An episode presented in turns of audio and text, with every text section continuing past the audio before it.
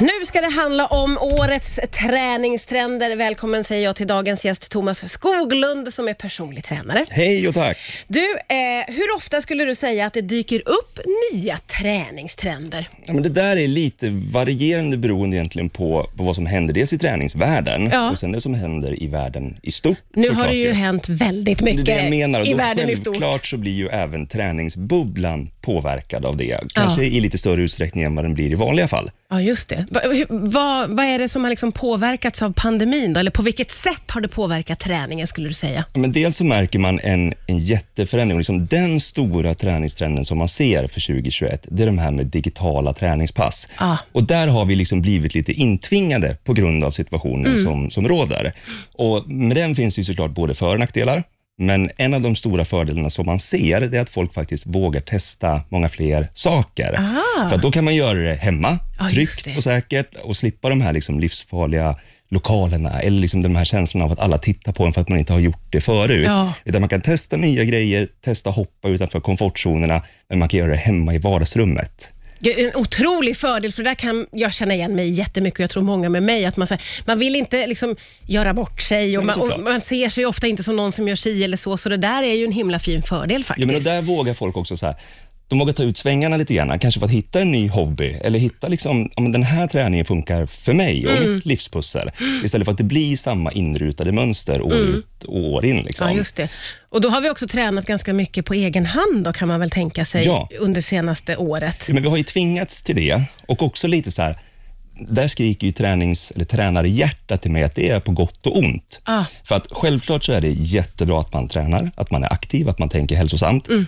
Men baksidan på det myntet är ju då också att människor som kanske tidigare har varit van med att en instruktör eller en PT har stått och kollat så att man gör på rätt sätt. Mm. Det har man liksom överfört till, ja men återigen till vardagsrumsgolvet nu. Mm. Med kanske lite för tung belastning eller kanske lite felaktig teknik. Och då kan det leda till ja, men de här små skavankerna, alltså Ja. sakerna som man annars kanske kunde undvika. Ja, just Så det. ledordet ska ju någonstans vara ändå att kvalitet alltid ska komma före, före kvantitet. Ja, just det. Och där har vi då nackdelen också med att om man gör fel så gör man ju fel. Ja, Då- för då det tittar man på ett YouTube-klipp eller vad man nu än gör, Ja. det, det är ganska svårt att hålla koll på kroppen då om man inte är van att göra de rörelserna. Ja, ja, ja, men det är klart det.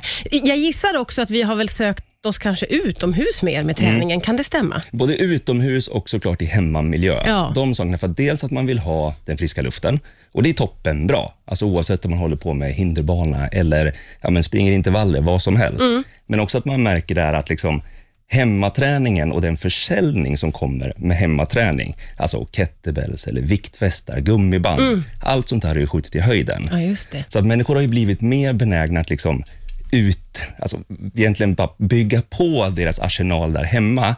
Inte för att det ska vara som ett, ett vanligt gym, men så man kan liksom ta ut svängarna och faktiskt bredda den lilla arsenalen som man har. Ja, och någonting som motiverar många är ju faktiskt att ha rätt grej eller att ha träningskläder. Bara en sån sak som att dra på sig träningsbyxor, det gör väldigt mycket för psyket. Ja, det går ju mode i det där också. Jag menar så här, whatever floats your boat. Alltså om det får dig till ett mer hälsosamt liv, Ja. kör på det i sådana fall. Ja, ja. För det finns, jag tänker också att det finns så många trösklar till träning. Att man, man är rädd för att man ska vara dålig på det eller man är rädd för att det ska se för jäkligt ut. Allt sånt där.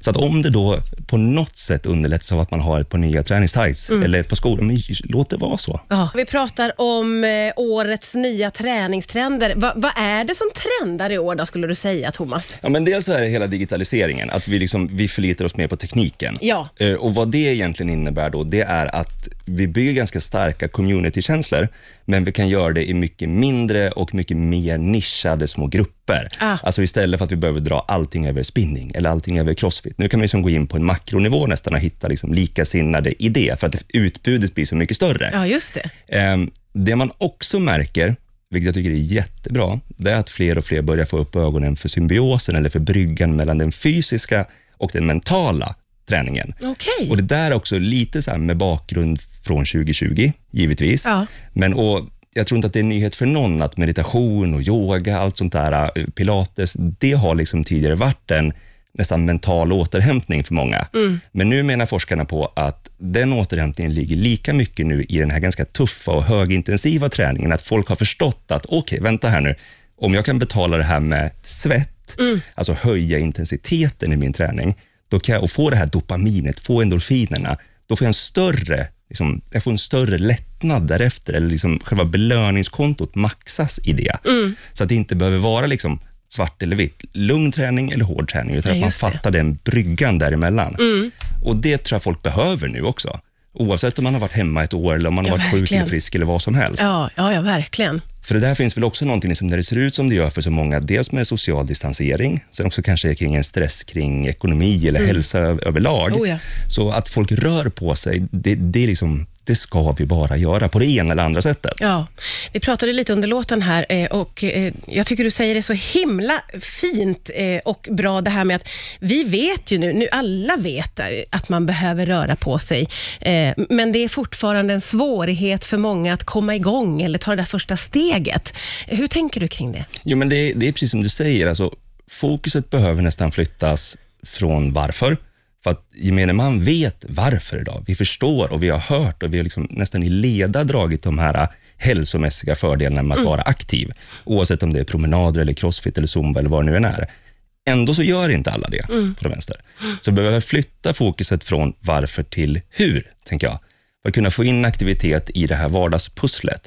För många jobbar heltid, många jobbar skift, många har småbarn. Alltså, Ja, ja för att lägga in en bit till i det så krävs ju någonting. Det kan ju kännas väldigt överväldigande. Ja, men det blir ju det också. Ja. Och jag tror att det är därför man behöver också så här spräcka lite hål på ballongen kring vad träning är. Alltså det behöver inte kosta 90 minuter på en träningsanläggning. Det kan vara hemma i vardagsrummet. Det Mm. kan vara ja, men mer eller mindre vad som helst, så länge vi håller aktiviteten igång. Just det, hålla kroppen igång. Ja, men och sänka, sänka prestationskraven kring det, tänker jag. Ja, ja, jag tror det är jätte, jätteviktigt faktiskt. Ja, men jag tror att det är då det håller i längden. Ja, och, ja, men precis. Och det är väl det man ska hitta. Man ska hitta ett sätt att få in det i, i sitt liv och livsstil, så att Ja, det kan bara såklart. fortsätta.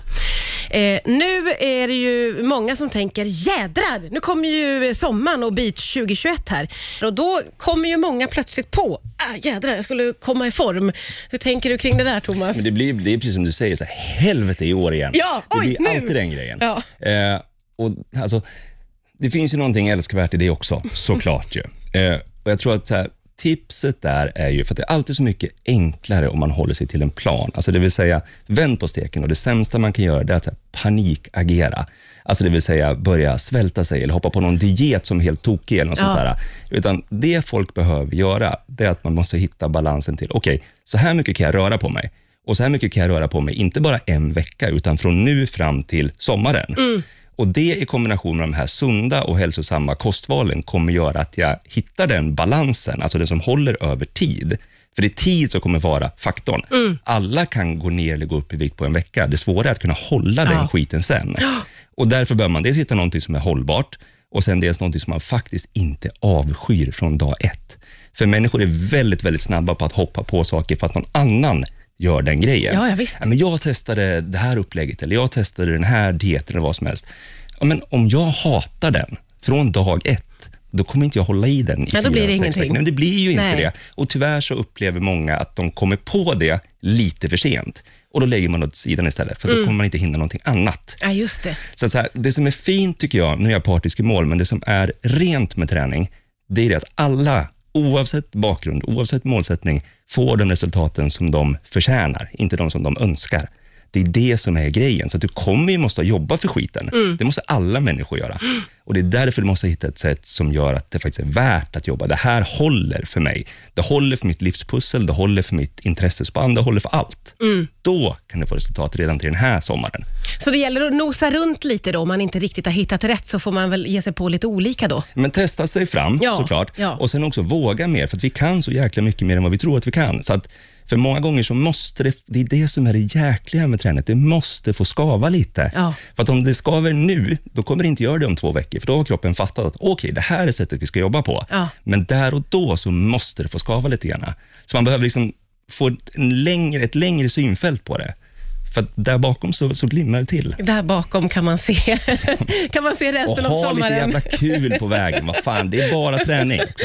Det där är underbart. Ha lite jävla kul på vägen och låt det skava lite. Ja. Underbara slutord. Tack snälla Thomas Skoglund för att du kom hit idag.